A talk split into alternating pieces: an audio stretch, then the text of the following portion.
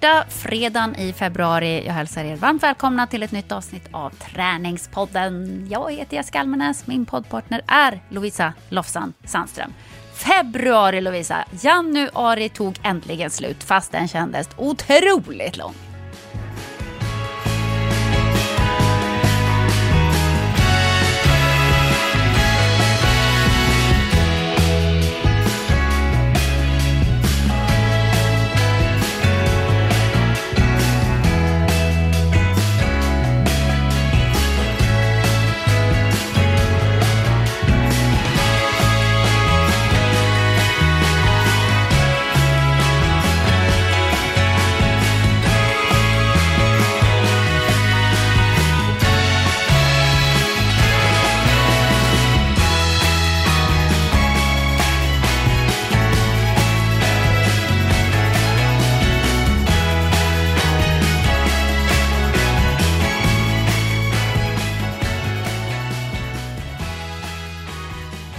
Har faktiskt haft vårkänsla här på Södermalm senaste dagarna. Oj, det sa faktiskt Sam när han gick till skolan häromdagen också. Han öppnade dörren och klev ut och så sa han Mamma, det känns verkligen som det börjar bli vår. Det är så gulligt när en det... sexåring säger det. Ja, men alltså jag, jag går också på det. Lite fågelkvitter, lite sol, lite, lite varmare vindar. Det känns lite grann som att vi närmar oss påsk. Men jag vill ju ha sportlov först, så det får inte gå för fort. Ja, men jag var faktiskt i Göteborg och jobbade en, en snabbis i helgen var där ett dygn bara in och ut i princip. Eh, och då kände jag så här, men gud, det känns som det antingen är det höst eller något slags vår här. Det är i alla fall inte vinter. Oh, gud vad hemskt. Tänk om det hade ja. varit höst igen då. Nej, men det var typiskt Göteborgsväder, du vet grått, lite småregnigt och ingen snö. Och man fick bara känslan så här, det är, nu är det höst. Men det hade varit lite jobbigt om man hade snabbspolat förbi hela våren och sommaren. Det hade jag nog inte pallat tror jag. Nej, nej, nej, nej. Eh, Jessica, basketmatch mm. ryktas ja. om att du har varit och lirat. Ja men precis, jag har ju jobbat så mycket nu så jag har ju, min träning släpar efter. Jag ska erkänna detta. Januari blev inte min träningsmånad. Det är tråkigt men eh, sant. Men jag har eh, i alla fall spelat en del basket och vi har vunnit, vilket är kul. Eh, och det roliga var, Lovisa, att vi var bara sex personer på matchen i helgen. Och det är ju ganska lite, för då har man bara en avbytare eftersom man är fem på plan samtidigt. Och det var ju en del i laget som var lite oroliga över det här, för vi brukar vara åtta eller nio på matcherna. Så de var så här, men gud, vad ska, hur ska vi klara det här? Vi måste försöka ringa in någon och bla bla bla. Och ingen kunde då, de var sjuka då, de som skulle ringas in. Um, så att jag sa bara så här, men det är lugnt, vi klarar av att spela sex. Alltså på träningarna så har vi ju sällan mer än en avbytare. Man vilar ju bara en halv minut kanske och sen går man ju in igen. Då är man ju pigg liksom. Man behöver bara få ur värsta mjölksyran i benen och sen kan man ju gå in och spela. Och de andra var lite så här, ah, nej gud, det kommer bli så jobbigt, oj oj oj, oj. kommer vi orka? Oj, oj, oj. Ja, det var verkligen vojne, vojne. Men det som då alla fick eh, upptäcka, som jag ju eh, visste, det är ju att när man väl kommer in i andra andningen så orkar man mycket mer än man tror. Men när man är så pass många att man har väldigt många avbytare så att man kanske sitter på bänken i fyra minuter, eller man spelar fyra minuter och sådär, då hinner man aldrig riktigt komma in i andra andningen. Och då blir man mycket tröttare. För att när man har hunnit bli lite kall, man har hunnit bli lite stel i benen för man har suttit och vilat ganska länge, och så går man in, då blir det som en chock direkt för kroppen så att det känns skitjobbigt direkt. Man bara kan inte andas och benen bara skriker och jävlar vad jobbigt det här var. Och så kommer man liksom inte riktigt igenom det. Men nu när vi bara var sex och man spelade ju nästan hela tiden och vilade man så vilade man typ en minut. Då kände man ju att man var trött och bara gud jag är så trött jag måste vila och sen bara nej det går inte att vila för jag har ingen att byta med. Och så spelar man vidare och plötsligt så blir det lättare igen för då har man liksom kommit över tröskeln.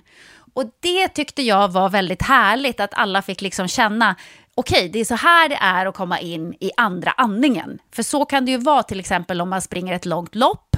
Man kan bli jättetrött tidigt och bara känna sig hur fan ska det här gå? Så kommer man plötsligt in i den andra andningen och så är man på G igen. Och jag vet liksom inte rent fysiologiskt vad den här andra andningen egentligen innebär, men det kanske du vet. Ja, alltså det finns ju olika förklaringsmodeller till känslan av att man går in i andra, igen, andra andningen. Att det blir lättare senare än vad det är i början. Eh, och jag tror att den vanligaste förklaringsmodellen, och det är väl den som, som jag har fått lära mig från ja, GH och, och liknande institutioner, då handlar det om att kroppen kalibrerar sig och blir bättre på att både de anpassar sig ut efter de krav som ställs när det handlar om eh, hjärtfrekvens, syre till musklerna, eh, cirkulationen, hur tät andningens, alltså andningsfrekvensen och så vidare. Det är det ena. Och det är det som är när man pratar om syreskuld. Som till exempel när man, man kutar till bussen. Man blir egentligen mer flåsig av att springa till bussen än vad man blir när man joggar de första minuterna. Alltså att efterspelet av att springa till bussen och sen så tvärt sätter man sig på bussen blir väldigt jobbigt för kroppen jämfört med att börja springa på löpbandet och fortsätta springa. Att du liksom inte kommer fram till busshållplatsen. Mm. Eh, det andra tror jag handlar jättemycket om hjärnan. Alltså att hjärnan fattar och liksom förhåller sig till de yttre kraven som ställs på en. Och att man helt enkelt vänjer sig vid en viss typ av ansträngning.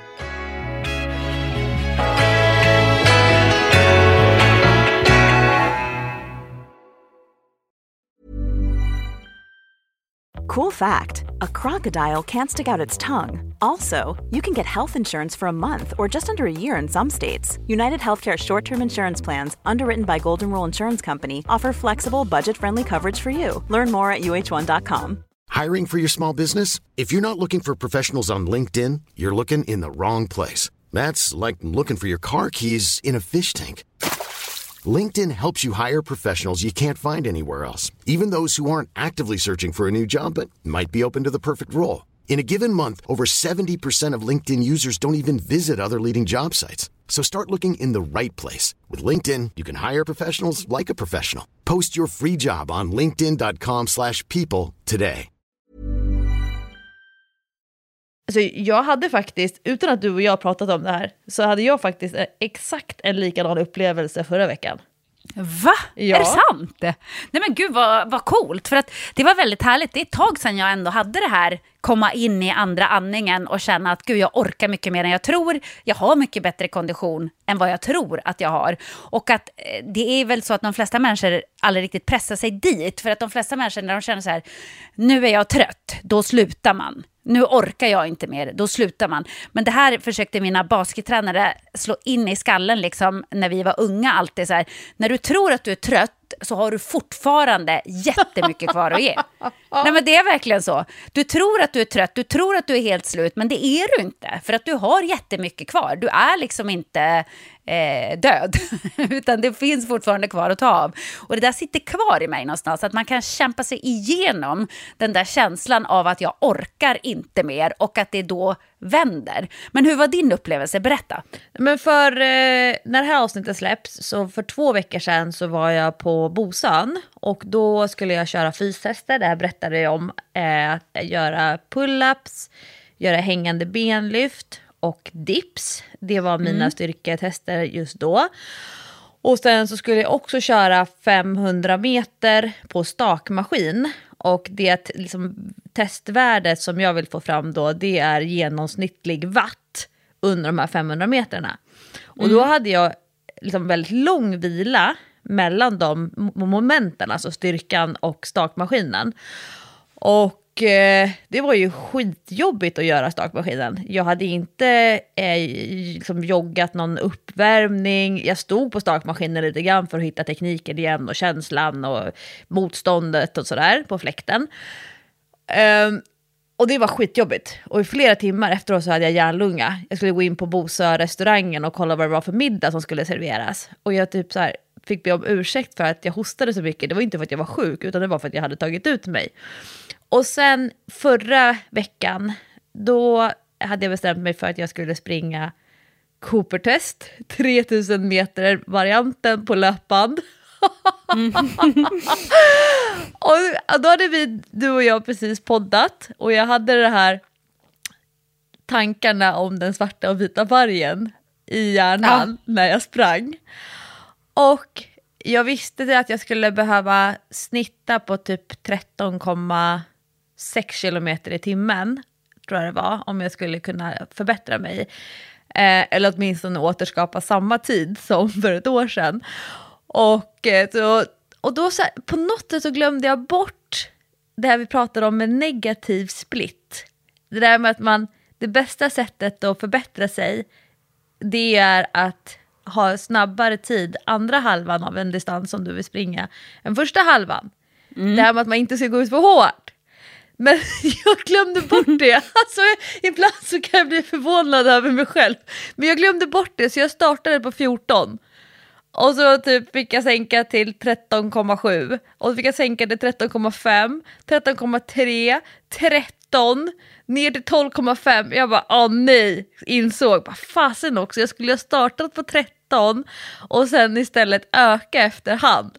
Och den där vita vargen, den var bara så här, men Lovisa, det är ingen som bryr sig om vad du får på ett 3000 meters test. Men Lovisa, det är jättebra, nu kan du kliva av, du kan sänka hastigheten lite grann. Jag bara, åh, kan du inte vara tyst vill jag säga till den vita vargen. Eh, men då sprang jag mitt test, eh, jag fick typ 20 eller 17 sekunder ungefär sämre än förra året. Men jag vet att jag kan förbättra det genom att vända på från en positiv split till en negativ split. Men jag vet inte om jag pallar för själva projektet att ta ut mig sådär mycket. Men sen när jag var klar med det där 3000 meters testet, då tänkte jag så här, ja ah, men typ banne mig. Nu är, nu är jag ju jättevarm, nervsystemet är superaktiverat. Jag har liksom den höga kroppstemperaturen, jag har en ganska hög frekvens i mig. För om man tänker sig i löpningen, alltså kadensen, stegfrekvensen, den är ju mm. väldigt hög när man ska springa snabbt sådär länge. Så då tänkte jag så här, äh, men jag kanske ska, ska inte dra en rövare och göra stakmaskintestet igen. Trots att jag hade då tagit ut mig rejält innan. Och så Oj. gjorde jag det, 500 meter på stakmaskinen hade kollat väldigt noggrant på Johan Olssons alla sakteknikfilmer på Instagram. Och så tänkte jag, nu kör jag. Och så körde jag den här känguru-stylen, där när han hoppar, där man liksom har så hög frekvens och så man hoppar och så häver man sig på handtagen. Det orkade jag göra första tredjedelen och sista tredjedelen, inte mitten. Och förbättrade mig 10 watt, vilket inte säger någon någonting, men för mig var det en ganska så stor förbättring.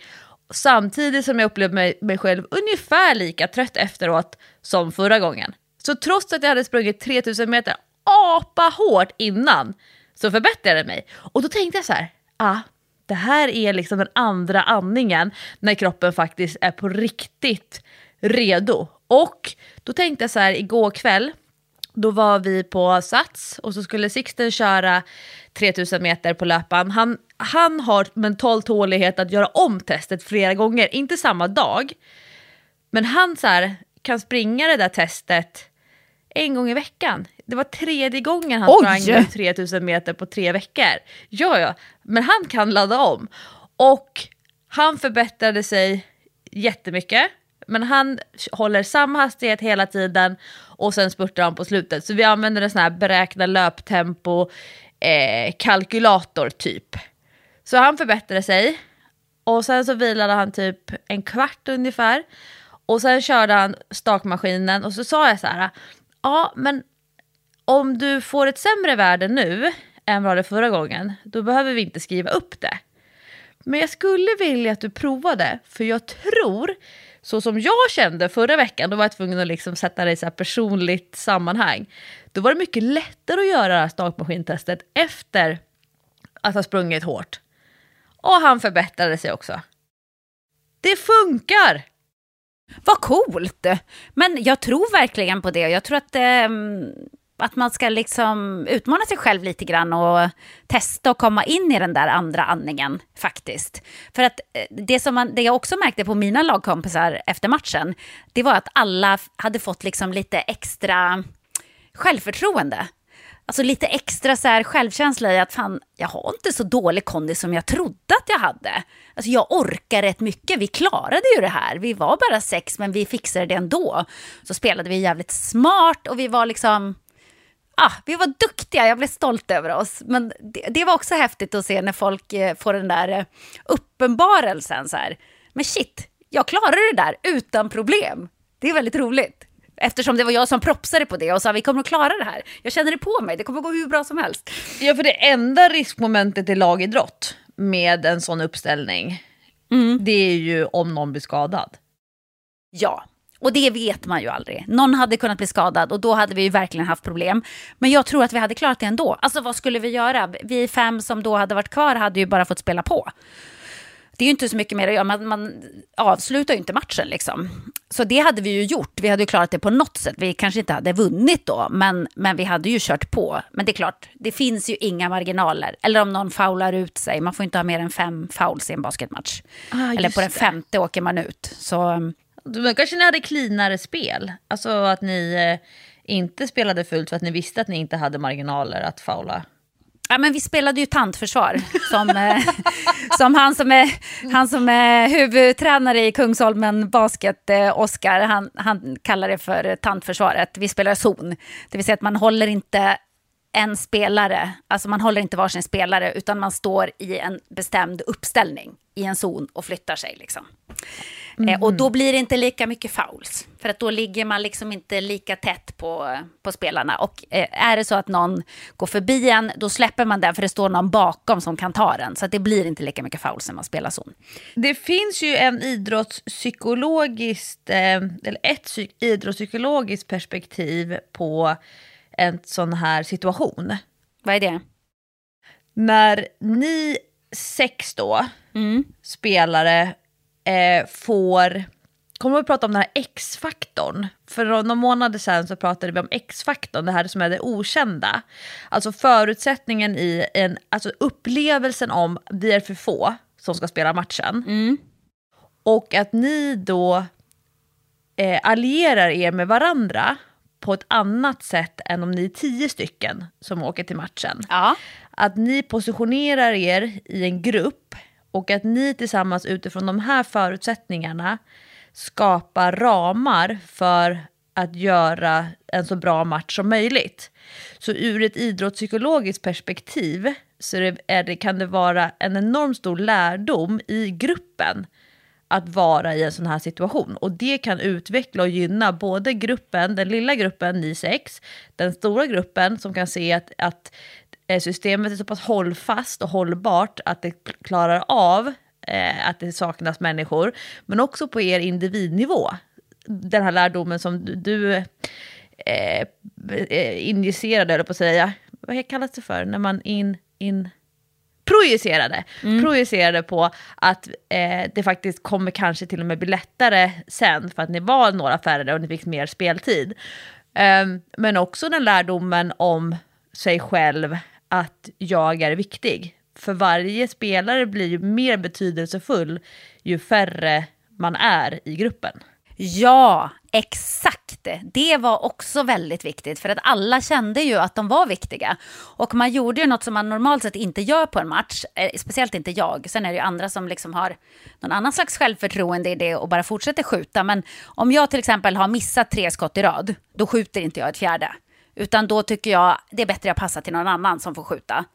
Eh, men nu så var jag ju tvungen. Nu var det ju mer så här, ja men jag är ju fri nu. Jag måste ju skjuta nu för att vi är ju bara vi som kan göra det liksom. Vi kan inte stoppa in någon på plan som har bättre sänk idag så att jag får skjuta en gång till. Ja men då gick det ju jättebra. Då gjorde jag ju plötsligt massa poäng för att jag tog ju mycket, mycket fler skott än vad jag brukar göra.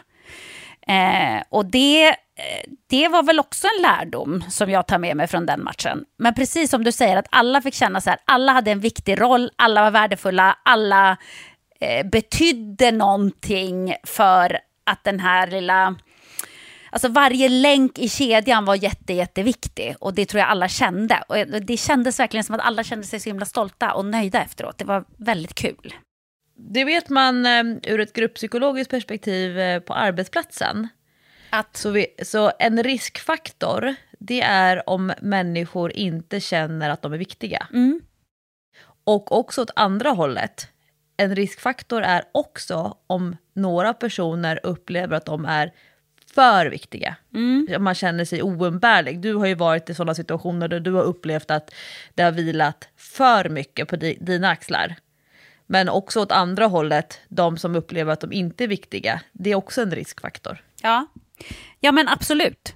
Det, alltså, det, jag köper det alla dagar i veckan, verkligen.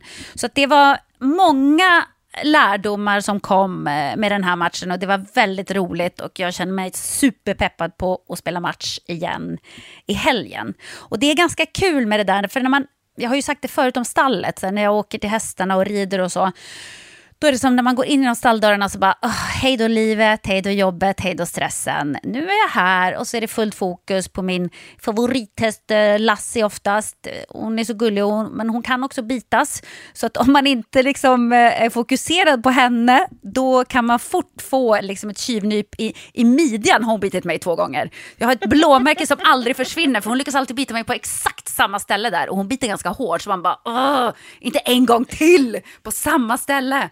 Ah, men då, det är precis samma med basketen och speciellt med matcher då, för då, då, är man ju helt fokuserad. Man ska ju vinna, man ska ha en taktik, man är koncentrerad på vad gör det andra laget, vad ska vi göra och sådär. Då, då släpper man liksom livet utanför och det är så himla viktigt med de där andningshålen har jag märkt. Speciellt när man har mycket att göra och liksom stressigt i livet, att man behöver de där andningshålen så himla mycket. Eh, jag håller på att skriva en uppsats min skola. Mm. Jag går i skolan. Jag håller på att skriva en uppsats. Eh, och eh, den uppsatsen är, liksom 50% av uppsatsen är väldigt praktiskt inriktad. Eh, där jag ska redogöra för hur det har gått för mig att coacha en klient i samtal. Mm. Eh, men sen så, ena, andra halvan, eller första halvan av uppsatsen, den handlar om så här, teorier och modeller kring coachning. Eh, och då, dels då så ska man använda sig och hänvisa till eh, kurslitteraturen och olika liksom etablerade teorier och modeller kring motivation och eh, hur beteendeförändringar och eh, hur man kan, som transteoretiska modellen, ja, det finns må många olika typer av Avancerat du! Ja, det är, jag har blivit mycket, mycket bättre på att inte lägga min eget tyckande och tänkande. jag är så van vid att jag ska berätta vad jag tycker och tänker om saker. Och sen så nu jag har jag fått jobba jättemycket med att, nej men Lovisa, du ska bara berätta vad andra tycker och tänker. Och den är, den är ganska svår att inte lägga sig i. Men då eh, har, har jag liksom en, en av modellerna som jag använder i ehm, eh, mitt då, där coacharbetet. Eh, det, den kallas för flow-modellen. Och det, det, många kommer känna igen det här när jag berättar, men man kanske inte visste att den hände. Men, men man, man, känner ofta, man känner igen eh, uttrycket en känsla av flow. Ja, älskar. Och, ja, och, och alltid när jag, när jag har suttit och läst nu de senaste månaderna om eh, flow-modellen så tänker jag väldigt ofta på dig. För att du Igen! Så, ja, men alltså, det är för att du är så bra på att formulera hur en aktivitet får dig att må och känna. Och eh, då har jag skrivit en sammanfattning just om, eh, jag kan inte uttala eh, namnet, alltså flow-modellens skapare, Mihaly Csikszentmihalyi. Alltså min man, han kan på riktigt stava det här namnet. Men Va? man kan googla. Mihaly Csikszentmihalyi. Han är am amerikansk ungrare. Men eh, han, eh, han, när han då skapade den här flow-modellen så definierade, identifierade han tio upplevelser som är kopplade till tillståndet av att ha flow. Mm. För det första är det viktigt att ha en klar förståelse för vad du vill uppnå. Det innebär att ha ett tydligt mål i sikte. Dessutom är förmågan att kunna koncentrera sig under en längre tid avgörande för att uppnå flow. Det handlar om att vara helt och hållet engagerad i den aktivitet som du utför. I tillståndet av flow förlorar man känslan av medvetenhet om sig själv. Det innebär att man blir uppslukad av aktiviteten och glömmer bort tid och rum. Tiden kan flyga förbi utan att man märker det eftersom man är helt fokuserad på uppgiften. En annan central del av flow är att få direkt och omedelbar feedback. Det är viktigt för att kunna anpassa och förbättra sin prestation. Och för att uppleva känslan av flow behöver man också uppnå en balans mellan, mellan sina egna förmågor och utmaningen med uppgiften.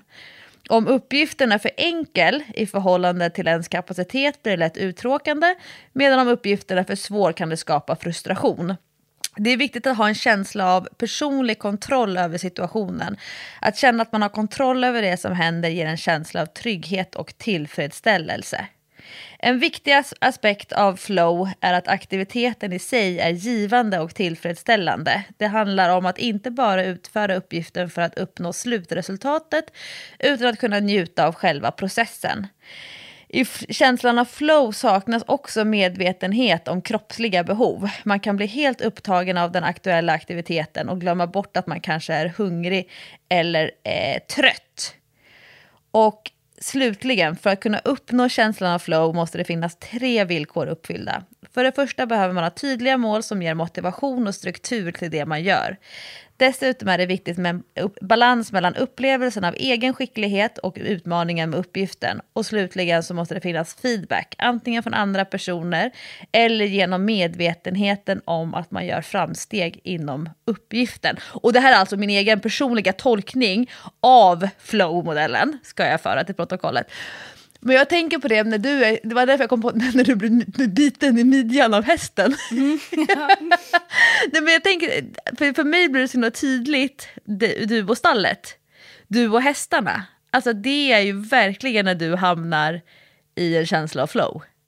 Ja, ja men verkligen.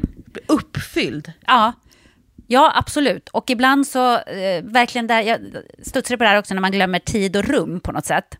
För, för ibland så kan jag glömma bort att det går så himla många timmar när man är där. Alltså antingen om man är och håller på och funktionär på någon tävling eller man rider själv och ibland rider jag i dubbelpass och det är ju före och efter, ta hand om hästen före, ta hand om hästen efter. Och plötsligt har det gått fyra timmar och så någon som bara, men hallå du skulle ju svara på det här. Jag bara, men jag har varit i stallet i fyra timmar. Har du inte tittat på telefonen på fyra timmar? Jag bara, nej, jag har faktiskt inte gjort det.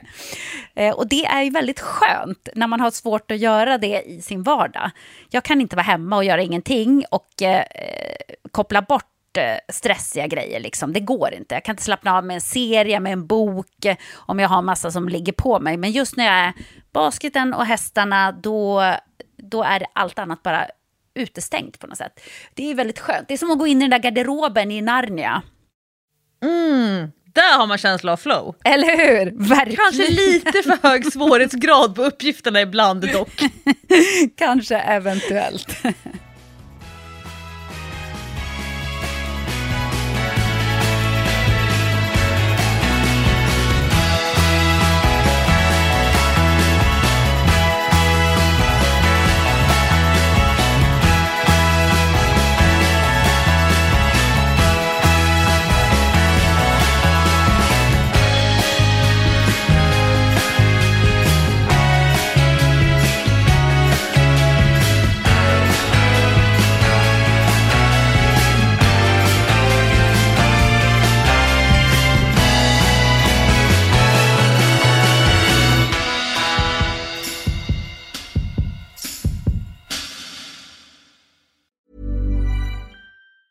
There's never been a faster or easier way to start your weight loss journey than with PlushCare.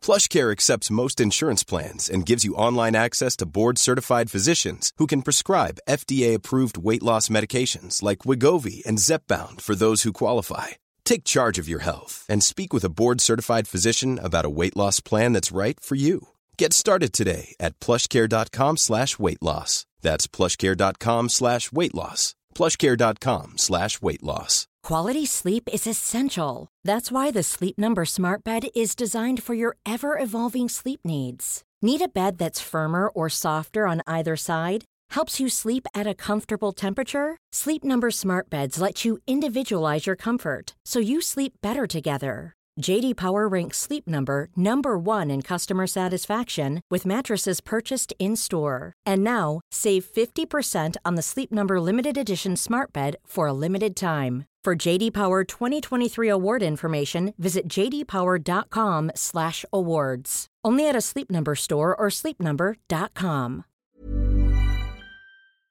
Vi är även denna vecka sponsrade av Rusta och det passar perfekt för det är ju full vår ute nu. Man kan vara ute utan att ha dunjackor och tio lager kläder, det gillar man. Äntligen, äntligen!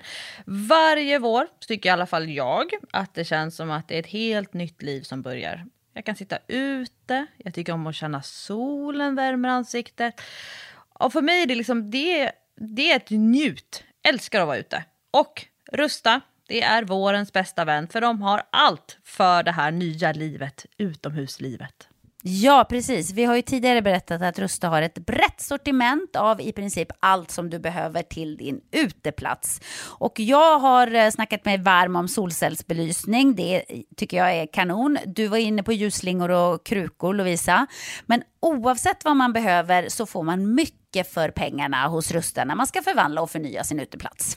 Hur är det hos dig Jessica? Har du några favoriter när du ska piffa upp er utomhusmiljö? Ja, men det har jag faktiskt. Jag gillar att det känns lite loungeigt. Så jag brukar ju satsa på att köpa någon ny utomhusmatta. För att de är väldigt prisvärda hos Rusta. Så det tycker jag är en stor favorit. Jag ska säga vad jag är sugen på. Berätta. Jag tycker ju att det är bra att ha kuddar som man inte behöver ta in. Det står absolut på min lista för den här våren. Ja. Ja. Det ska vara lätt att ta sig ut. Kuddarna ska bara ligga där, redo att ta emot den. Ja, man älskar sånt som man inte behöver plocka ut och in. Och då säger ju nog jag att grejer till utegymmet, alltså vi pratar hantlar, kettlebells, foam roller, sådana saker är också för mig vår, att vara ute, det är låg tröskel till att träna och så kan man liksom ta in och ta ut. Och Rusta har riktigt bra hemmaträningsgrejer. Och jag tänker så här, ja, men man sitter och hänger där i sina kuddar och så kan man träna. Och så kan man hänga och träna. För alla våra lyssnare så är ju träning en viktig del av utomhusmiljön, det vet jag. Vi uppmuntrar och uppmanar våra lyssnare att njuta av utomhuslivet och kolla gärna Inrusta när ni vill uppgradera er utemiljö. Kolla in rusta.com, men framförallt besök ett Rusta varuhus och få inspiration till ditt nya uteliv. Vi säger tack till Rusta! Stort Jag hade faktiskt känslan av flow i fredagskväll. Men det blev bara tydligt för att jag var så långt utanför den eh, zonen några timmar tidigare. Vad då berätta? I fredagskväll, jag börjar, jag börjar med flowet då, Ja, och ja. sen så går jag till motsatsen. Men det blev ändå en positiv upplevelse som jag är glad över. Men, men om vi tittar på motsatsen, eh, så, så jag hade en sån himla stark längtan inför förra helgen, den helgen som har varit, att jag ville tillbringa tid utomhus. Och det kan låta lite banalt, men det bygger på att jag hade jobbat mycket i gymmet hela veckan och helgen som var innan dess, då var jag på Bosön och då är jag liksom ändå i en stor alltså gigantisk sporthall, Framgångshallen. Det är ju jätteinspirerande miljö, men det är ändå också ganska stökigt och krävande mentalt. Eh, veckan innan dess hade jag jobbat mycket i gymmet. Jag hade varit ute och åkt lite längdskidor, men det var liksom inte tillräckligt eh, ofta för att jag hade, det kändes som att det var typ, jag minns inte när jag var utomhus ordentligt senast. Och det, det kan drabba mig lite sådär melankoliskt. Ehm, kan tappa lite grann av den här aktiva initiativtagande kraften inom mig. Den kommer verkligen fram när jag tillbringar mycket tid utomhus. Det här är en så här personlig eh, terapigrej, att komma fram till vad man mår bra av. Men då bestämde jag och Sixten att vi skulle tillbringa, ja men typ, vi åker till Ågesta och åker längdskidor, ish en timme kändes det som att vi var överens om. Men vi hade inte uttalat någonting. Men han är så pass duktig nu så han åker ifrån mig. Så han körde sitt race och jag körde mitt race. Och för första gången någonsin i hela mitt liv, jag vet inte varför, men så åkte jag längdskidor med hörlurar i öronen. Och så hade jag en skitbra spellista. Mörkret la sig, elljusspåret tändes. Och jag bara åkte och åkte och åkte och åkte och åkte. Ropade och vinkade till Sixten när han varvade mig eller vi möttes någonstans i spåret. Och så till slut hade han kört åtta varv och jag hade kört sex varv. Det är ungefär två kilometer på varje varv. Och sen så sa han, men ska vi ta ett varv till? Ja, vi tar ett varv till. Och så åkte vi. Ja, men ska vi ta ett varv till? Ja, men vi tar ett varv till. Så till slut hade han åkt tio varv och jag hade åkt åtta varv och tittade på klockan och bara, men gud, vad hände? Det är liksom, allt annat bara försvann. Jag bara åkte och åkte och åkte. 100% känsla av flow. Men det roliga var att det jag kom ifrån några timmar innan, det kan nog vara årtiondets knasigaste träningspass. Alltså jag körde ett dubbelpass i fredags. Du är inte klok alltså. Jag hade aldrig gjort det här om det inte var så att jag känner en liten, liten inre stress över att jag inte kommer klara av att köra två tre milslopp eh, två dagar på raken nu vecka åtta när det är Kortvasan och Tjejvasan, fredag, lördag.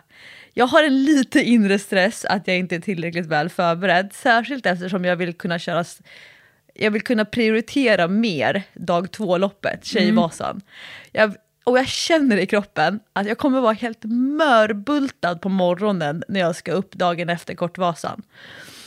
Nej men då tänkte jag så här, ah, men, nej men jag kan ju inte åka två gånger till Ågesta och åka längdskidor. Jag kan ju inte åka både på fredag lunchen och på fredag kvällen. Så att jag gick ju då till Sats och bestämde mig för, nej men jag stakar. Jag stakar på stakmaskinen ett distanspass. Och alltså... Det här, det här låter som att sitta på eh, motionscykel i ett distanspass. Det låter fruktansvärt tråkigt. Förlåt. Ja, men vi, vi brukar ju sälja in löpbandet. Alltså, både du och jag tycker ju om att springa på löpband för att det känns som att det är en lägre tröskel till löpning. Mm. Eh, att man kan kolla på skärm samtidigt. Det är enkelt, när man tycker att man är klar så behöver man liksom inte, okej okay, nu är det två kilometer för att komma hem. Man kan ha sin vattenflaska. Alltså, det är ganska trivsamt. Det spelar ingen roll vad det är för väder och så. Och så kan vi ibland få så här, äh, jag fattar inte hur ni kan tycka om att springa på löpband. Det är ju så tråkigt jämfört med att springa ute. Och du och jag så här... Ah, ah, så tråkigt är det inte. Nej, det, men då kan jag säga, tycker man att det är tråkigt att springa på löpband, då kan jag säga att stå på den där plattan och köra stakmaskin i, håll i dig nu Jessica, 10 000 meter, en mil på stockmaskin. Åh oh, herregud! Och jag hade så här, jag fick någon liten hang-up. Eh, så jag tänkte det måste vara någonting jämnt. Så jag tänkte så här, ja, jag, jag, jag kör i 60 minuter. Eller en mil, det som kommer först. För då kunde jag i alla fall så här, få någonting som var jämnt i hjärnan. Och då delade jag upp det först 20 minuter och sen vilade jag lite grann, drack lite vatten, torkade händerna. Eh, och sen så körde jag 20 minuter igen och sen blev det väl typ 13 minuter eller något sånt där för att nå 10 000 meter. Men då kan jag säga dig, jag hade aldrig gjort den där grejen, att staka en mil på eh, Ski Erg, som den heter. Om det inte var så att jag hade Love is blind på min mobiltelefon fast satt på stakmaskinen. Jag, jag, kan säga, jag vill ju inte sluta staka. Jag Älskar det. stå kvar där och titta och kommer på mig själv med att garva högt. Och då tänker jag så här, människor måste tycka att jag är knasig som står där alltså så länge och så står jag och fnissar och garvar för mig själv. Men jag var helt tagen. Jessica Almenäs. Nej men gud vad kul! Va? Alltså, ja men det var bra att du var lite på mig, för att jag hade liksom inte prioriterat att jag skulle kolla på det här. Men jag måste bara börja med att säga, kan det vara så att du, hur gammal är du? Eller hur mycket fyller du? Eh, jag, jag är 48, jag har precis fyllt, så jag tänker hålla mig till det, tack. 48. Ja. Kan det vara så att du är ditt allra snyggaste under hela livet just nu? Nej, det tror jag inte Lovisa. Vet du, en Du, du har inte sett mig naken. Nej, det- Fast det har ju folk gjort på Västerbron när vi skulle fota en bok, Stora löparboken för kvinnor. Det var typ en av de första gångerna vi skulle göra något sånt där jobb tillsammans. Och du så helt obrydd verkligen klädde av dig när du skulle göra ett klädbyte. Ja, men det var tio år sedan. Då kunde jag klä av mig offentligt. skulle jag aldrig göra idag. och jag tappade hakan. Men en kompis till mig som inte, alltså jag tror att hon har väl Instagram, men hon hänger inte på Instagram, hon går aldrig Och, hon, och så lyssnar hon på Träningspodden, hon älskar Träningspodden och så sa hon, till- sa hon till mig, alltså Lovisa, jag har aldrig, jag- eller så inte aldrig men typ, jag har inte tänkt på när jag lyssnar på Träningspodden att Jessica Almenäs, hon är så fruktansvärt snygg så jag vet inte vad jag ska titta någonstans när jag kollar på TV. Så om hon lyssnar på dig i Träningspodden då, då vet hon inte om att du är sådär sinnessjukt snygg. Men, men det är, alltså, du pikar verkligen i Love is blind. Ja, ja, tack. Tusen tack. Eh, vad snällt att du säger det. Och, spe- och speciellt med tanke på att jag var ju jättesjuk när vi gjorde reunion. Alltså jag mådde verkligen piss. Hade legat och liksom yrat hela natten och knappt sovit en blund och varit helt eh, förstörd. Så att eh, det, det tackar jag för. Men det, jag får ge lite kudos där till Fanny då helt enkelt som lyckades sminka mig så att jag såg ut som en levande varelse. Alltså, jag när jag är sjuk, mm, det är inte riktigt samma glow om man säger så. Nej, men det är roligt. Alltså det, det, de klippte ihop programmet jättefint tycker jag, Reunion, och den blev ju verkligen innehållsrik, det får man ju ändå säga. Det har ju kommit mycket reaktioner på programmet. Det har det gjort. Amerikanerna är helt, alltså de är helt tokiga nu. Nej, men det är så kul för att det är så många som tittar internationellt. Ja! Alltså jag har fått nya följare från alla möjliga konstiga länder och eh, folk skriver till mig och, och du vet, eh, skriver så här, du borde ta över den amerikanska Love is blind och sådana saker. Det är ju jättekul. Du vet, så här, att ens jobb blir ändå uppmärksammat eh, utanför Sveriges gränser. Det känns eh, lite overkligt faktiskt. Väldigt, väldigt roligt, tycker jag. Ehm, ja, Vi jag njuter. för ja, men vi pratade ju för några veckor sedan om din känsla av tacksamhet. Att du trots, nu sätter jag upp fingerkrokarna här i luften, din ålder fortfarande får de här riktigt stora tv-giggen. Men alltså jag tror på ett internationellt breakthrough när du fyller 50. Ja, nu ska vi ligga lite lågt med det där va. Men, eh, men, men jag, jag, jag brukar säga det här hemma att det här, det här var min första och enda internationella framgång. Så nu njuter vi av det här. Men alltså, nu, jag, jag vill ju alltid vara behind the scenes. Ja, Och jag har så många frågetecken. Det är många Och- som har frågor till mig om eh, saker som händer runt omkring. Ja, och jag skulle nog do- dock säga att jag har en eh, eh, spoiler i mina, i mina, bland mina, alltså nu är det verkligen tittarfrågor. Ja. Det känns som att jag har ringt in till tv för att ställa frågor. Men har- eh, det är en spoilfråga, så det kan jag varna för. Eh, men jag kan säga till, så kan man spola framåt eh, när den kommer. Mm. Mm, okej. Okay. Men eh, min första fråga, och det är för att jag har läst ganska mycket om castingen eh, inför Love is blind. Och det kanske du också har gjort, du måste ha träffat alltså, det här castingteamet vid något tillfälle. Eh, men jag undrar, tro, tror du att det är någon av de här deltagarna som inte har sett någon säsong, alltså någon internationell säsong av Love is blind innan de gick med? Mm, Ja, det, det var faktiskt någon som sa det till mig. Och nu kommer jag inte ihåg vem det var. Men jag snackade ju lite med dem där i början när de skulle gå in där i poddejtandet. Och då var, jag tror att det var no, några av killarna som inte hade sett Love is blind förut, faktiskt. Och det var någon också som hade tittat i kapp liksom lite grann efter att eh, ha kommit med i programmet.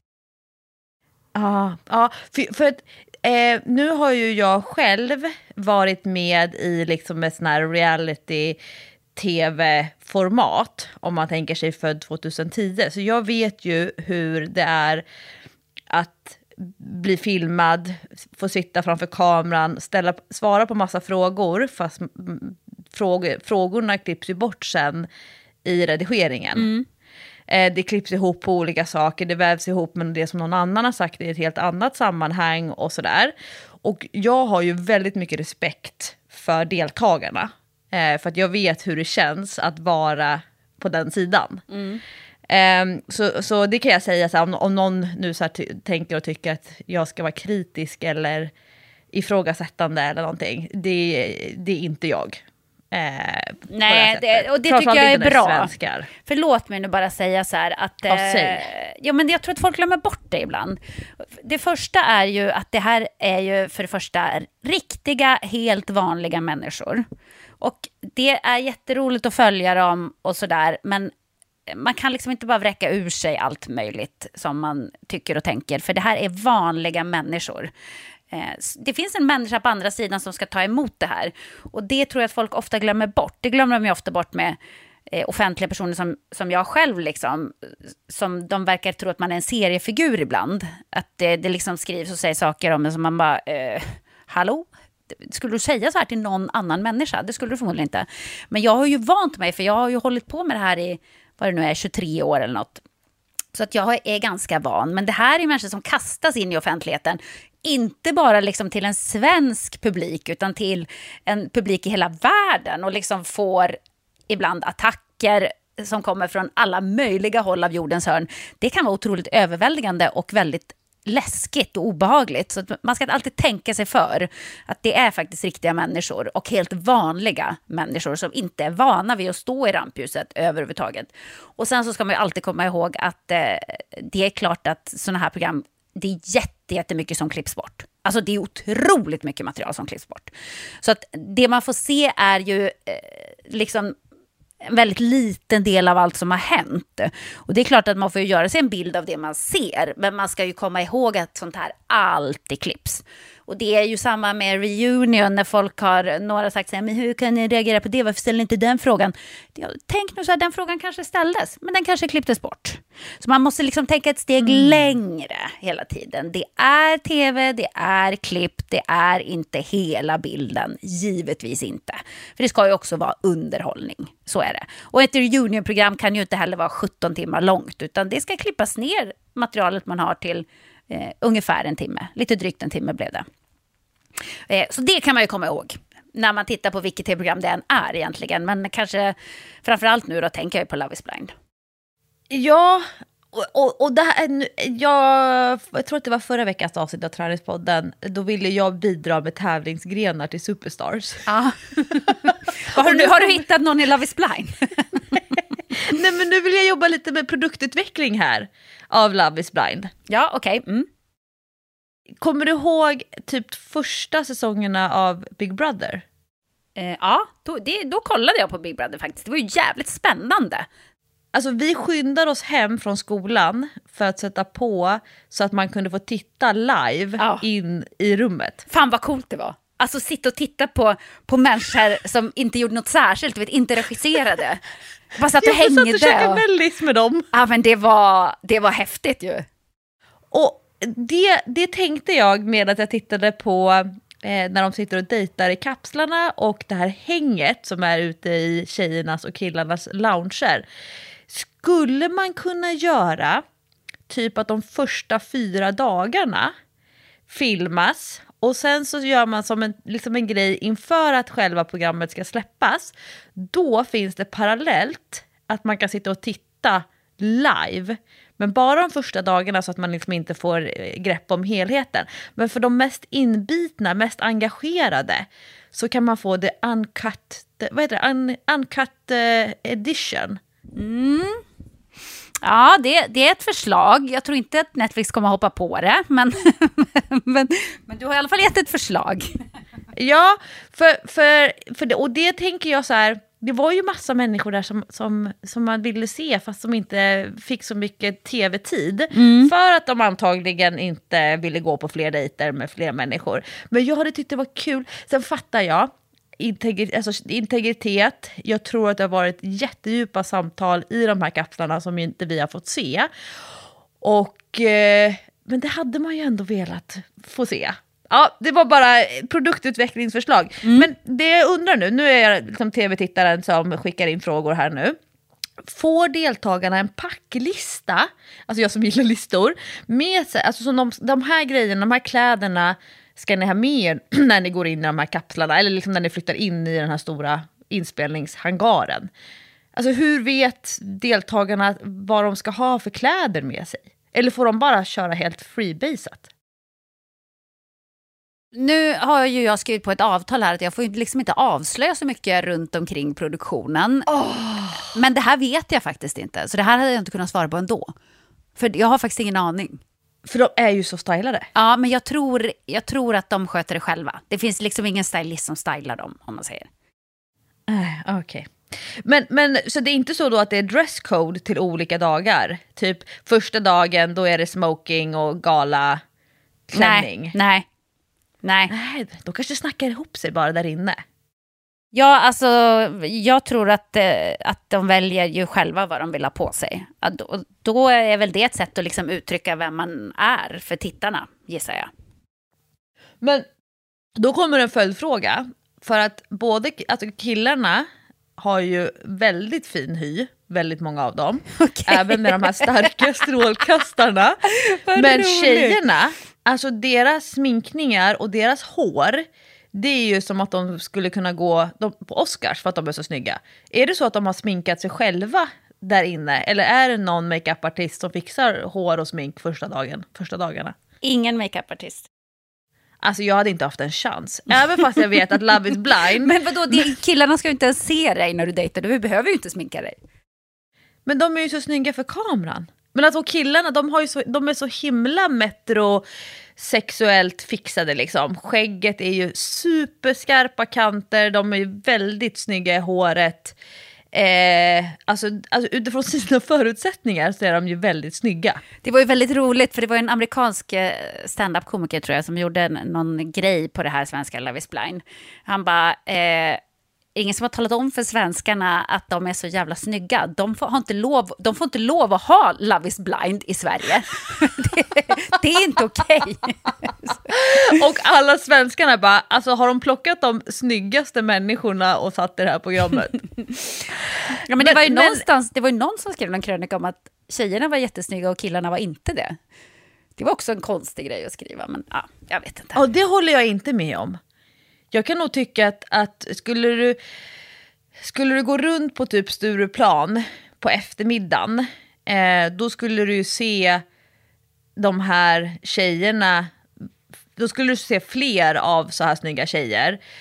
Medan killarna är nog, alltså de är väldigt snygga för att vara killar. De har inte så mycket att jobba med, de har liksom inte samma attribut som kvinnor kan ju hålla på och Ja. förstärka. Killarna har ju inte lika många attribut och ändå lyckas de, tycker jag, matcha upp tjejernas nivå. Av de som fick mycket tv-tid. Men jag tror att vi ofta glömmer bort det, eller vi blir så här hemmablinda i Sverige, men svenskar är väldigt snygga. Vi är ju ett snyggt folk. Alltså. Man går på stan, man ser ju mycket snygga människor. Så går på stan i ett annat land, i någon liten stad här och var. Till exempel när jag ofta åka, äh, åkte och hälsade på Patrik i Tyskland när han bodde där. Alltså, du ser, det är ju inte samma ratio på snygga människor där. Det är inte det. Förlåt om det är någon som lyssnar med tyskt ursprung, men det är liksom bara krass verklighet. Det var väl, eh, var det Rasmus, en av killarna, som sa det om, om Chrissy Lee. Eh, att hon hade estländskt ursprung.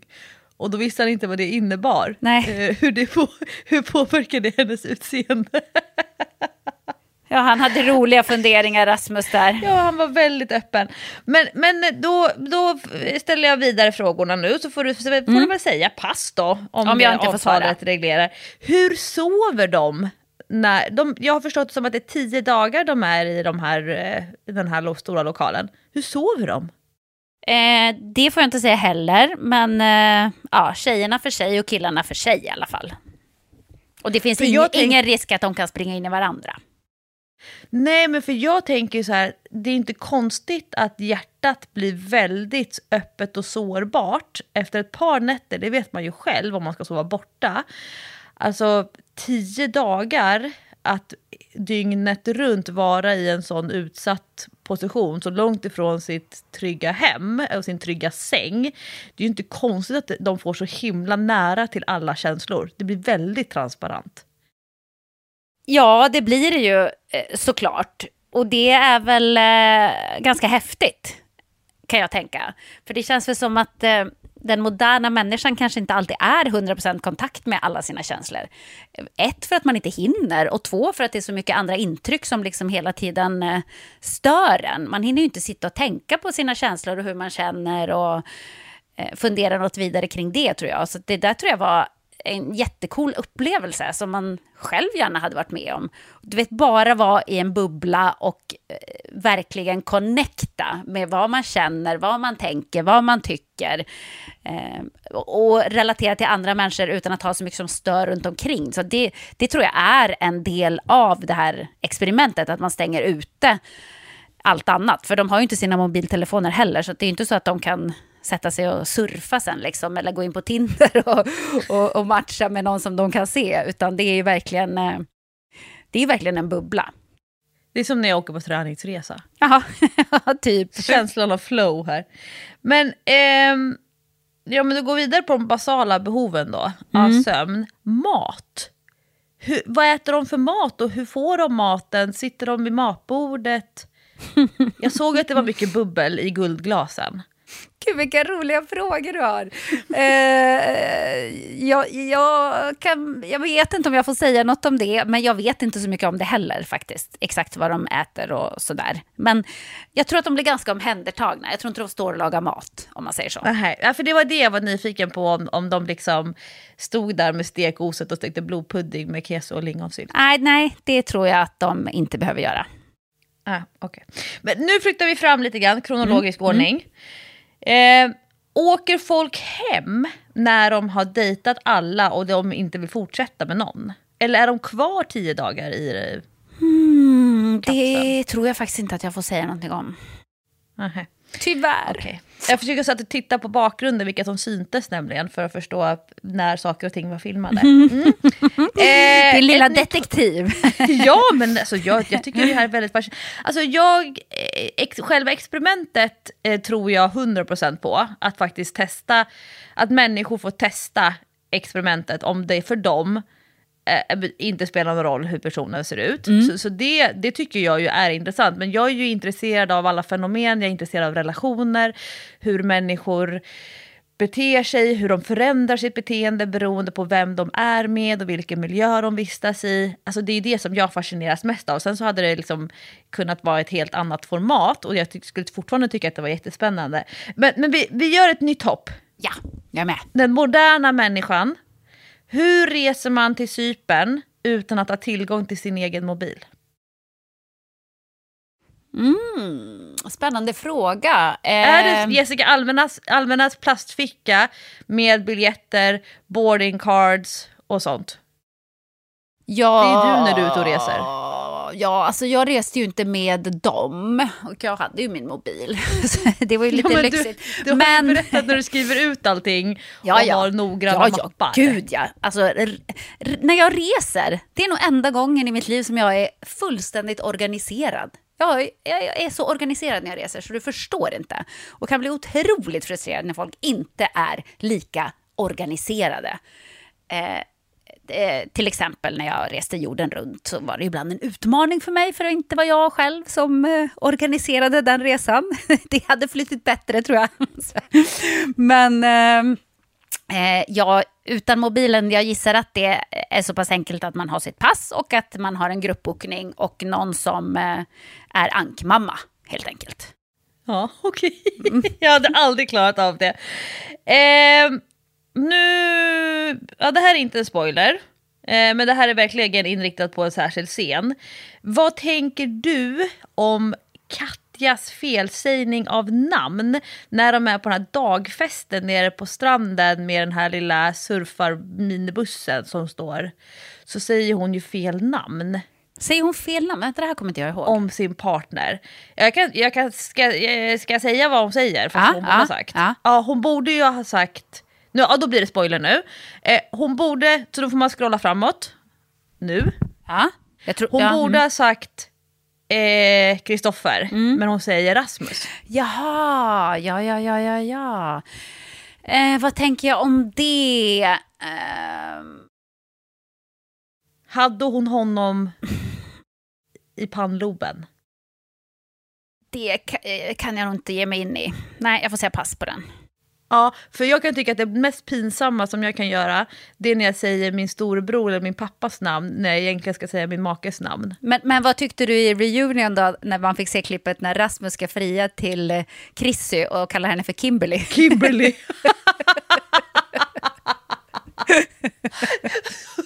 Men grejen är att hon hade kunnat passa, att hon hade kunnat heta Hon hade Kimberly. kunnat heta Kimberly faktiskt. Jag Och tänkte också ju, på det. Alltså, men, ja, men också när han trodde att hon var asiat. ja, men alltså. Ja, det var en grej som jag trodde, jag tänkte att oh, det där skulle kunna få väldigt stort utrymme, men, men Chrissy Lee, hon släppte det. Jag hade ju kunnat bli lite irriterad om jag hade varit i hennes situation och hör Katja säga fel. Alltså hade någon friat till mig och kallat mig för Jennifer, eh, jag hade ju, jag hade ju studsat lite på det. Det hade jag ju. Eh, jag undrar, och det här är för att jag själv känner ganska stark eh, connection, om man ska använda uttryck från eh, Love is blind. Eh, vilken deltagare som man associerar sig mest med? Och då undrar jag du då Jessica, finns det någon deltagare som du kan så här, känna med eller förstå lite mer än de andra? Jag har nämligen en person för mig själv. Oj, vad svårt.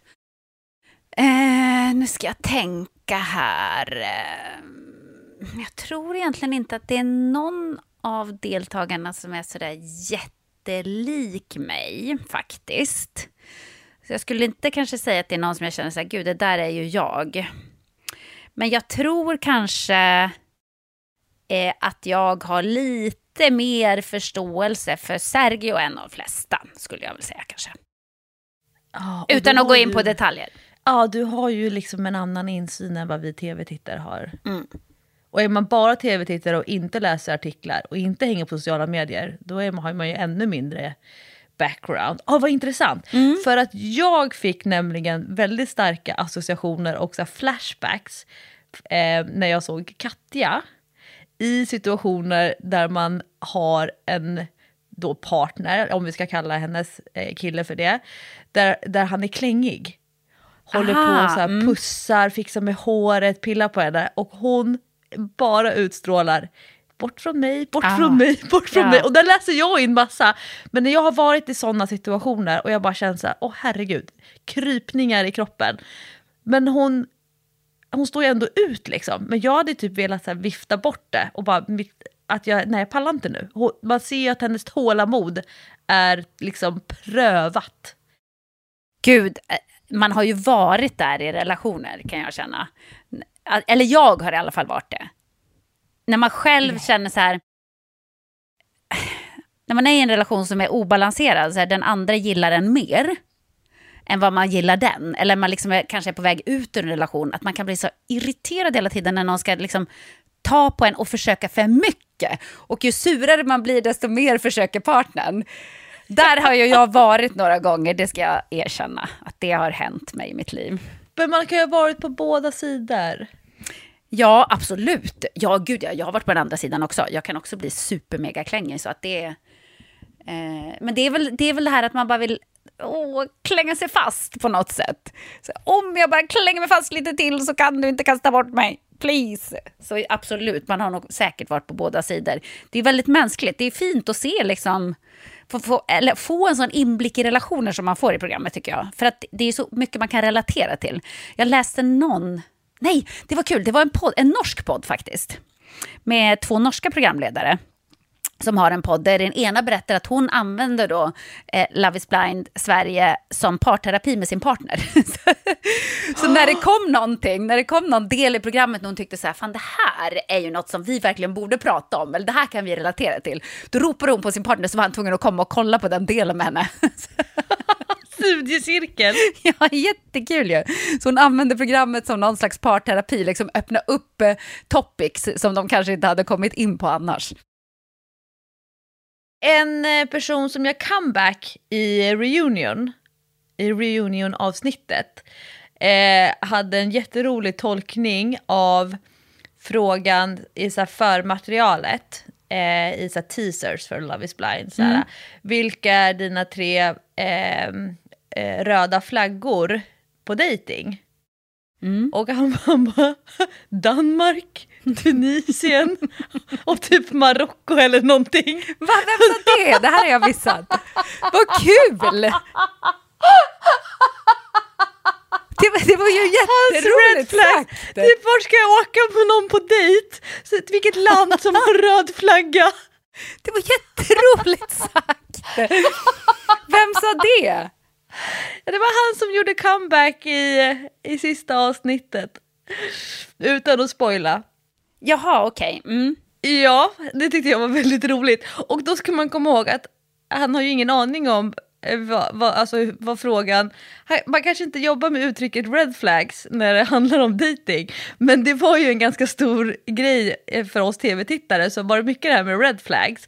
Alltså saker och ting som, som framkommer där man känner att man backar. Och jag har inte själv använt det uttrycket så jag kan ändå förstå hans eh, förvirring när du pratar röda flaggor i dejting. Eh, men eh, vad skulle du säga, för i tv-programmet då var det till exempel eh, tjejen har en hund, han gillar inte hundar, upp, det är red flag. Eller hon var vegetarian eller vegan, han älskar kött, minst två djur måste ha satt, livet till för att han skulle vilja äta det. Eh, red flag och så vidare. Det Ja. var typ så här, saker man backar på. Har du liksom, några så här red flags historiskt sett i dating? Eller så här, när man utforskar en person? Mm. Nej, inte vad jag kan komma på faktiskt. Har du det? Nej, jag, och jag har aldrig... Det, det, det, det som var så intressant, för jag själv har nog inte... Jag hade också kunnat svara Danmark och Tunisien, tror jag. för jag har nog inte riktigt haft de glasögonen att man borde leta efter red flags. Inte jag heller. För, men nu har inte jag dejtat så mycket, utan jag har ju oftast liksom oftast dejtat någon som jag har blivit ihop med sen. Och då har man ju varit väldigt intresserad från början och eh, eh, kanske förälskad redan från början. Och då ser man ju inte riktigt dåliga grejer. Oftast poppar ju de upp liksom lite senare i relationen när man har tagit av sig de här förälskelseglasögonen. Um, ehm, och då kanske man upptäcker grejer som så, oh, det här egenskapen tycker inte jag är så himla härlig, men, men då är man redan kär och då kanske man står ut med det på ett annat sätt. Eh, så jag tror inte att jag riktigt har varit inne i det här datingträsket som en lite yngre generation verkar vara väldigt vana vid. Att man dejtar många personer och att då liksom tittar man kanske direkt efter de här röda flaggorna. Jag vet inte. Är det för att eh, optimera dejtinget? Alltså att man effektiviserar den? Ja, men kanske. För att jag tänkte så här, ja, men du vet, det var många som var så här med, med Sergio, att han inte sa sitt namn och höll på att tramsa lite grann på dejterna. Så här, wow, det var en red flag direkt. Och jag tänkte så här, fast det hade nog inte varit det för mig, tror jag. Jag hade bara tänkt så här, aha, det här är någon som är lite udda. det här var ju lite, lite spännande ändå, på något sätt. Men jag tror, jag tror att jag inte... eh, Jag tänker inte i de banorna, eh, red flag, och liksom stoppar in alla människor i en röd flagga-kategori för att man har en viss egenskap, tror jag. Ah, okay. men, men det andra uttrycket som de han- hade, det var ju det här med greenbox.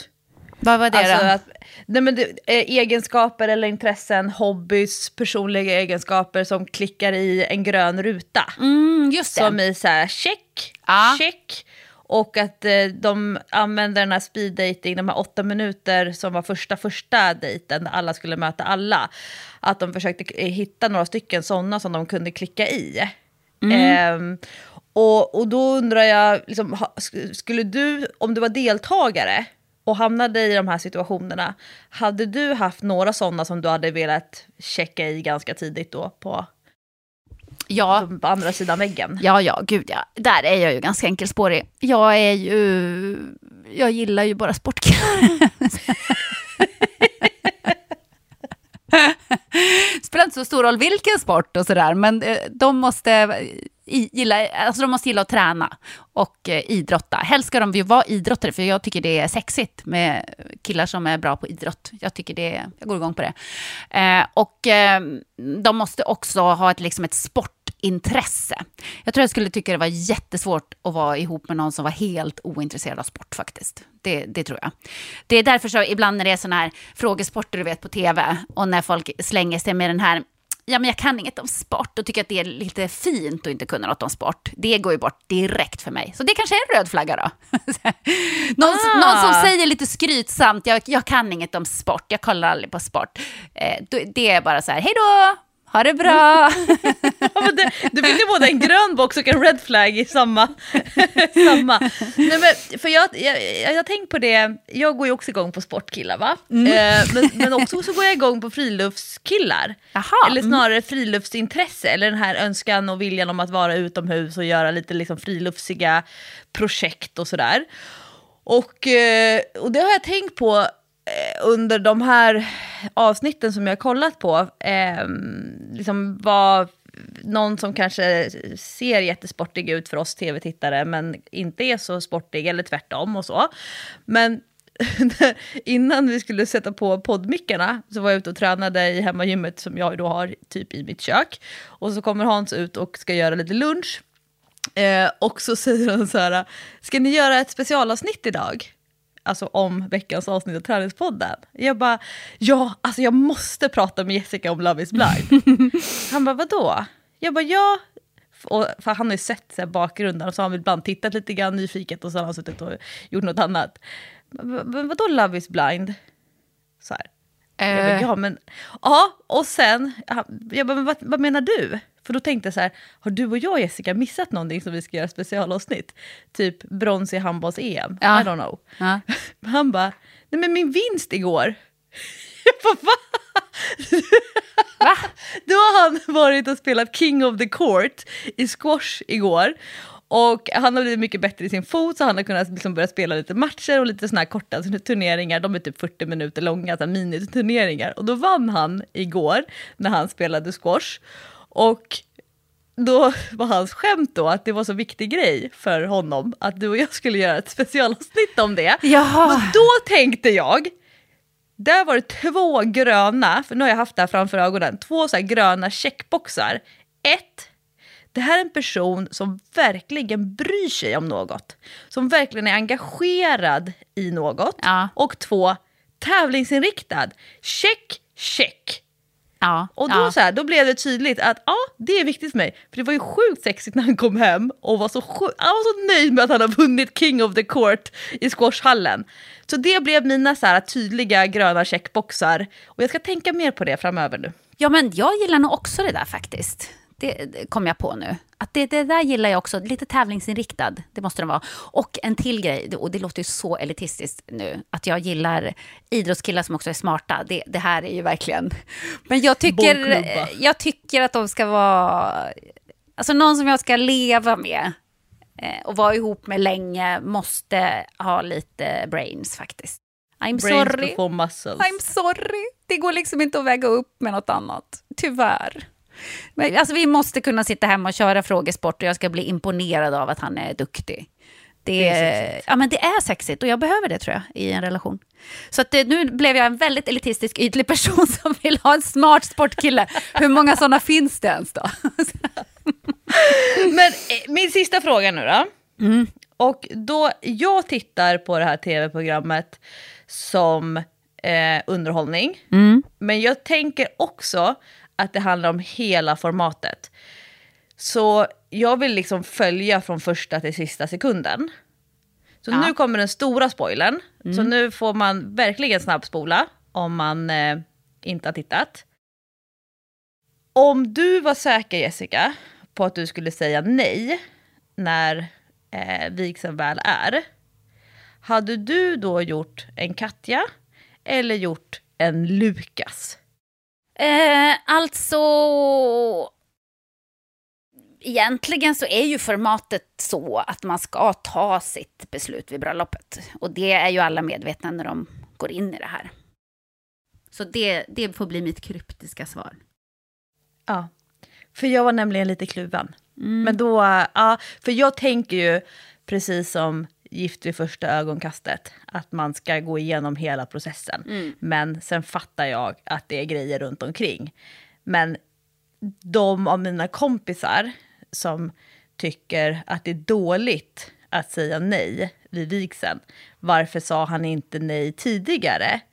Då har jag skyddat honom, försvarat honom och sagt ja, fast själva formatet på det här programmet går ut på att man ska ta sig Mm. till vigseln. Exakt, det är ju en del av det här experimentet och jag tror att alla som gick in i det här, dels var de väldigt medvetna om hur experimentet såg ut och eh, vad det innebar. Eh, och jag tror att alla var ändå, de hade ändå en intention att de ville göra det hela vägen och ordentligt. Eh, så att, ja. Så det, i, I verkliga livet så är det väl inte jätteschysst om man vet att man ska svara nej att ta det hela vägen till bröllopet. Alltså, en sån person hade man ju kölhalat, men det här är ju en liten annan sak ändå. Ja. Eller hur? Ja, men exakt. Och då, så då ty- tyckte jag att, jag tänkte så här, ja fast ifall folk hade gjort som han, eller som, alltså eller tvärtom, om de inte gjort som han, då hade det inte blivit hela formatet. Då hade det blivit liksom ett annat program. Ja, eh, exakt. tänker jag. Men, Exakt. men det, var det, det var det egentligen jag ville vara ute efter lite grann, om jag tänkte rätt. Man vill ju veta och känna att man har rätt. Ja, precis. Men nu har jag förresten en kul grej. Det här släpps ju nu på fredag. Idag är det fredag när ni lyssnar. Om ni är i Stockholm så kommer Netflix att ha Wedding Chapel på Stureplan faktiskt. Just det, jag såg, jag såg reklam. En Love is blind-box. Eh, och jag tror att jag kommer att vara där någon av dagarna, i alla fall några timmar. Men där kan man ju alltså gifta sig om man vill. Alltså tänk Las Vegas-bröllop. Så har man en hindersprövning och känner så här, nu ska vi göra en kul grej. Då kan man faktiskt gå dit och gifta sig. Man kan också låtsas gifta sig om man vill, vilket kan vara roligt. Eh, och eh, man kan gå dit och bara eh, kolla läget och liksom man kunde ju eh, eh, lova sin bästa vän evig eh, vänskap. Mm, exakt, why not? Men har ni vägarna förbi Stureplan i Stockholm fredag eller lördag, alltså idag eller imorgon, eh, så kika gärna in där, vet jag. Gud vad skönt, nu är mitt hjärta mycket lugnare. Nu har jag fått svar på alla de här grejerna som jag stod och ältade under 10 000 meter på stakmaskinen. Jag har gjort det, jag kommer aldrig göra det igen. Jag kommer minnas det resten av mitt liv och jag kommer för alltid koppla ihop det med att du är jäkligt snygg på min mobilskärm under tiden. Gud vad härligt. Men vet du vad, det vi hade förberett för idag, vi får ta det nästa vecka igen. Den har vi kört nu några gånger. Ja, men, men- den är värd att väntas Ja, på. den är värd att väntas på och jag ska faktiskt eh, läsa några fler artiklar om denna otroligt märkliga man till nästa vecka. Och att, det är kul, för han tror själv, det här är också en hint till nästa veckas, eh, så att ni verkligen ska lyssna då. Han tror ju själv att folk tycker han är galen nu, men 2050 kommer alla att beundra honom och tänka, han var en pionjär, han var först. Så, um, mm, det blir spännande att De snacka vidare brukar ju inte ha rätt. Nej, de brukar inte ha rätt i det där. Men en del har ju haft det genom åren. Du vet, eh, eh, uppfinningsgubbar och forskare och sånt som har kommit på någonting som verkar helt galet. Och sen bara, jaha, nu är det bara så. Ja, men du vet, de som Ja. hittade på flygplanet. Folk måste ju ha trott att de var helt galna från början. Ah, Ja, just det. sådana grejer. Så man vet inte. Men vi pratar vidare om det här nästa vecka helt enkelt. Ja, och eh, ja, nej men eh, tills nästa vecka, jag ska väl fortsätta åka längdskidor va? Hade jag planerat. Du kanske ska hänga i stallet. Jag ska faktiskt rida två pass idag, ett pass imorgon. Eh, och sen har jag basketmatch på söndag. Jag har pressträff med Kanal 5 på torsdag. Och så ska jag... Eh, alltså jag ska trycka in ett gym här någonstans också. Det ska jag baske mig göra. Och jag har deadline på min uppsats om eh, titeln. Åh gud, det här låter så torrt. Titeln som jag har satt är eh, autonomi kring fysisk aktivitet. Coachning som verktyg för ökad självständighet. Den uppsatsen ska jag skicka in va? Du har lite eh, det är jobb bara att få göra. det gjort. Du får köra så här eh, som studenterna gör, koffeintabletter, sitta upp hela natten. Ja, det passar ju inte riktigt ihop med min personlighet. Nej, verkligen inte. Stort tack för att ni lyssnar på träningspodden varje vecka. Får man för sig att man ska stå väldigt länge på stakmaskinen eh, kommande dagar, ja då kan man ju passa på att kolla på Love is blind va? Eller hur? Gjort vet jag. Tack för att ni lyssnar. Puss och kram. Hej då!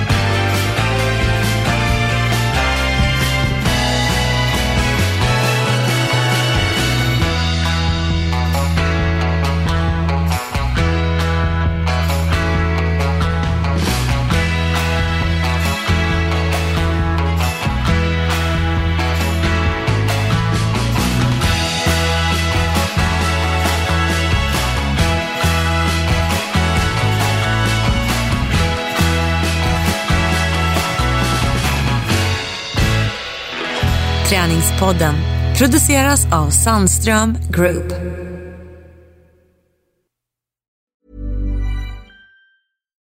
Deserves the best, and there's no better place to shop for Mother's Day than Whole Foods Market. They're your destination for unbeatable savings, from premium gifts to show-stopping flowers and irresistible desserts. Start by saving 33% with Prime on all body care and candles. Then get a 15-stem bunch of tulips for just $9.99 each with Prime. Round out Mom's menu with festive rosé, irresistible berry chantilly cake, and more special treats. Come celebrate Mother's Day at Whole Foods Market.